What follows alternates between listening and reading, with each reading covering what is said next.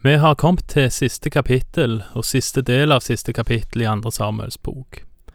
Og vi har allerede lest at David teller folket, en idé som han vel fikk av Satan. David angrer, og han ber om tilgivelse. Han får, merkelig nok kanskje, sjøl velge si straff, og han kaster seg heller for Guds føtter og ber om barmhjertighet enn for mennesker. Gud sender pest, og vi leser om igjen de siste to versene vi leste sist. Vi leser fra Andre Samuels bok, kapittel 24, vers 15. Så lot Herren det komme en pest i Israel, fra morgenen til den fastsatte tid. Og det døde 70 000 mann av folket fra Dan til Beersheba. Og engelen rakte ut sin hånd mot Jerusalem for å ødelegge det. Da angret Herren det onde, og han sa til engelen som gjorde ødeleggelse blant folket. Det er nok, dra nå hånden tilbake. Herrens engel var da ved jebusitten Aravnas treskeplass. Da David så engelen som slo i hjel blant folket, sa han til Herren, Se, det er jeg som har syndet, det er jeg som har gjort ille. Men denne min jord, hva har den gjort? La din hånd komme over meg og over min fars hus. Samme dag kom Gad til David og sa til ham, Gå opp og reis et alter for Herren på jebusitten av Ravnas treskeplass. Så gikk David dit opp etter Gads ord, slik som Herren hadde befalt. Dette med Guds anger er interessant. For det handler ikke om hva som er rett eller galt, eller hva som er en rettferdig dom eller ikke. I alle fall ikke sånn som jeg forstår det. Det Gud angrer på, det er dommen. Ikke fordi dommen var feil, men fordi Gud ville vise barmhjertighet. David han er òg helt klar på at han har synda, og han ber jo òg om at dommen skal komme på han og hans hus, eller hans fars hus, og ikke på folket. Så det er ikke skyldspørsmålet det angres om, for å si det sånn. Vi leser videre fra vers 20. Da Aravna så ut, fikk han se kongen og tjenerne hans som kom over til ham. Da gikk Aravna ut og kastet seg ned for kongen med ansiktet mot jorden. Og Aravna sa, Hvorfor kommer min herre kongen til sin tjener? David svarte, For å kjøpe treskeplassen av deg og bygge et alter der for Herren, for at straffedommen kan stanse og vike fra folket. Da sa Aravna til David, Min herre kongen må ta og ofre hva han finner for godt. Se, her er oksene til brennofferet og treskesledene og åkene som er på oksene til ved. Alt dette, konge, gir Aravna til kongen. Og Aravna sa til kongen, Herren din Gud tar nådig imot deg. Som nevnt sist, så veksler det litt imellom navnene Aravna og Ornan imellom Andre Samuels bok, som bruker Aravna, og begge krønikebøkene som bruker Ornan. Og, som jeg òg nevnte sist, så kan det tenkes at det ikke er et egennavn uansett, men en tittel. At det var kongen, eller høvdingen, for det folket som David ville kjøpe treskeplassen av. Hvis det var en konge, så er det særlig interessant å lese at han kaster seg ned foran David, et klart tegn på underkastelse, og at han faktisk tilbyr David plassen for intet. David han vil kjøpe. Vi leser videre fra vers 24. Men kongen svarte, Nei, jeg vil kjøpe det av deg for penger.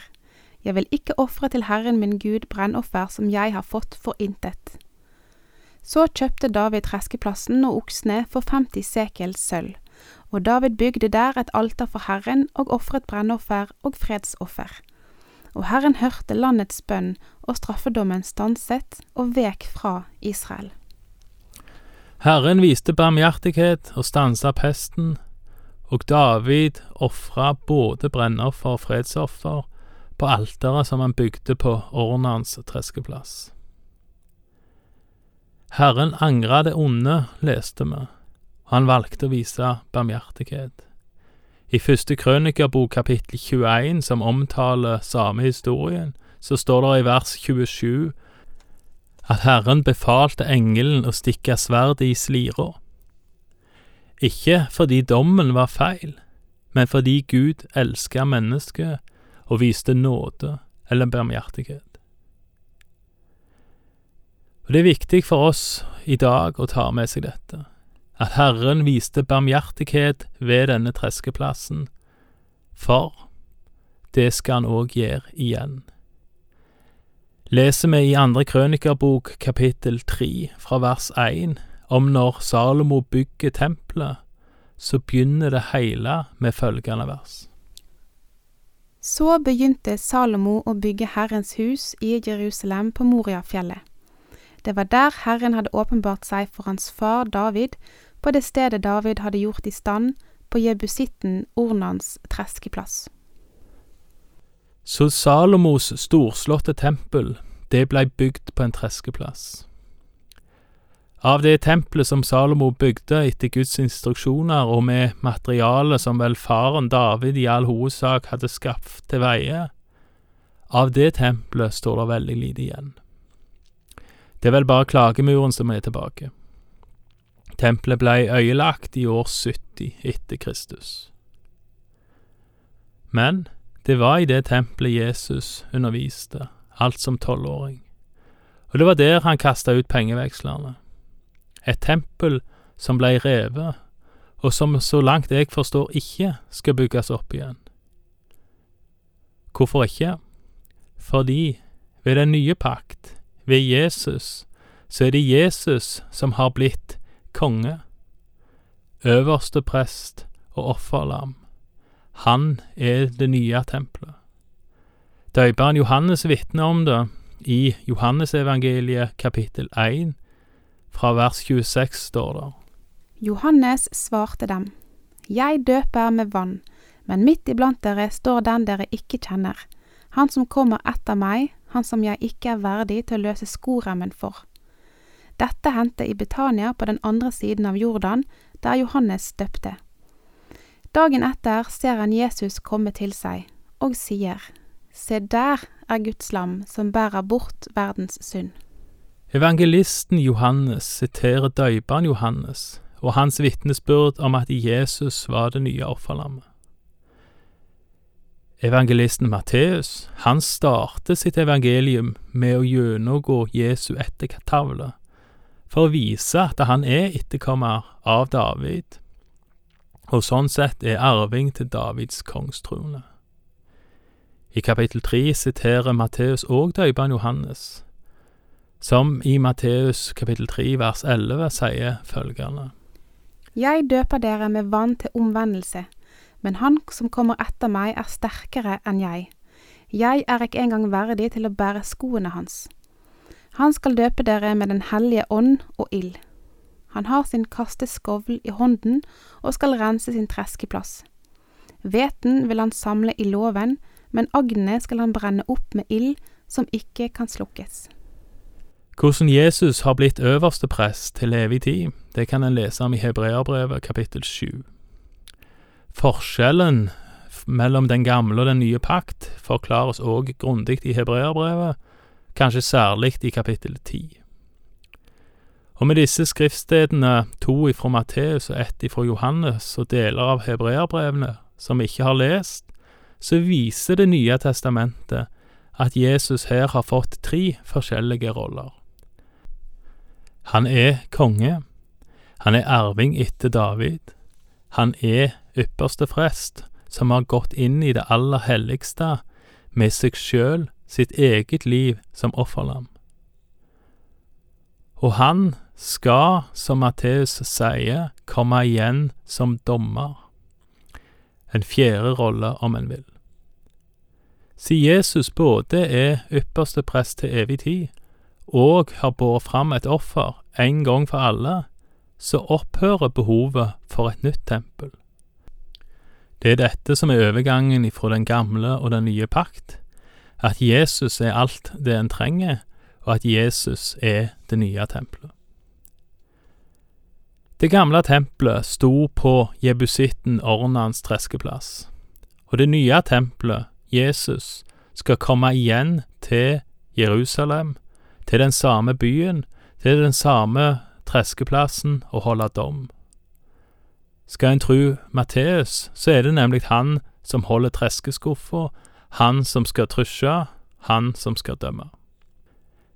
Mange blir skremt av dette med dom, og mange blir sinte når en påstår at et menneske faktisk trenger frelse. Og Det kan jeg godt forstå, særlig hvis en syns at en får livet ganske godt til. Men for de av oss som kanskje tenker at vi ikke alltid strekker helt til i oss sjøl, som tenker at det ganske mye går bra, men òg en hel del ting ikke går helt sånn som en hadde tenkt, eller de av oss som tenker at eh, mennesket kanskje ikke er godt på bånd, sjøl om en ofte kunne håpe det. De av oss som tenker sånn, vi kan finne trøst i disse ord. Det kommer slik sett an på hvordan en ser det. Hvis en tenker at en er god nok i seg sjøl, og at det livet en lever er i henhold til sine egne eller andre standarder for den del, så oppleves det som fordømmende at noen påstår at en er i behov for nåde. Det forstår jeg. Da blir en provosert og opplever seg fordømt. Det gir faktisk mening for meg. Men hvis en som nevnt må innrømme at en ikke strekker til, verken overfor Gud eller mennesket for den del, eller seg sjøl, og slik som David må anerkjenne at Guds dom over ens synder og utilstrekkeligheter dessverre må kunne regnes for rettferdig. Hvis en tenker sånn, så har en et helt annet utgangspunkt. Da har han et utgangspunkt som sier at det er nåde over nåde når Herren stopper sin dødsengel og heller sender sin sønn til soning for våre synder. Da blir en fylt av glede når en leser om den nye himmelen og den nye jord i Johannes' åpenbaring kapittel 21. Og da forstår en at det ikke er nødvendig med noe tempel, for det står der nemlig ikke er nødvendig og ikke skal komme i åpenbaringen 21 vers 22 fordi Jesus er blitt tempelet. Og Da forstår en kanskje at det ikke er for å dømme at Jesus står med kasteskuffa, men for å frelse det som er hans. Kanskje tanken om at mennesket alene ikke klarer å frelse seg sjøl, er den tanken eller den truna i kristen tru som skaper mest anstøt hos andre og det som gjør at det budskapet om nåde blir snudd på hodet, og en hører fordømmelse isteden. Da, og kanskje særlig da, er det viktig å bære fram vitnesbyrdet om Jesus, om Davids etterkommer, han som skal berge sin hvete på Ornans treskeplass. Da må dette vitnesbyrdet forkynnes, og for de som hører fordømmelse istedenfor nåde. Evangelisten Johannes sier det i et av Bibelens mest kjente vers på denne måten. For så har Gud elsket verden, at han ga sin sønn den enbårne, for at hver den som tror på ham, ikke skal fortapes, men ha evig liv. For Gud sendte ikke sin sønn til verden for å dømme verden, men for at verden skulle bli frelst ved ham. Verden skal bli frelst ved ham ved kongen, ved øverstepresten, ved dommeren og lammet. Han så en dag skal treske sin hvete for å vise nåde. Han skal gjøre det igjen ved Ornans treskeplass. Takk for i dag, og Herren være med deg.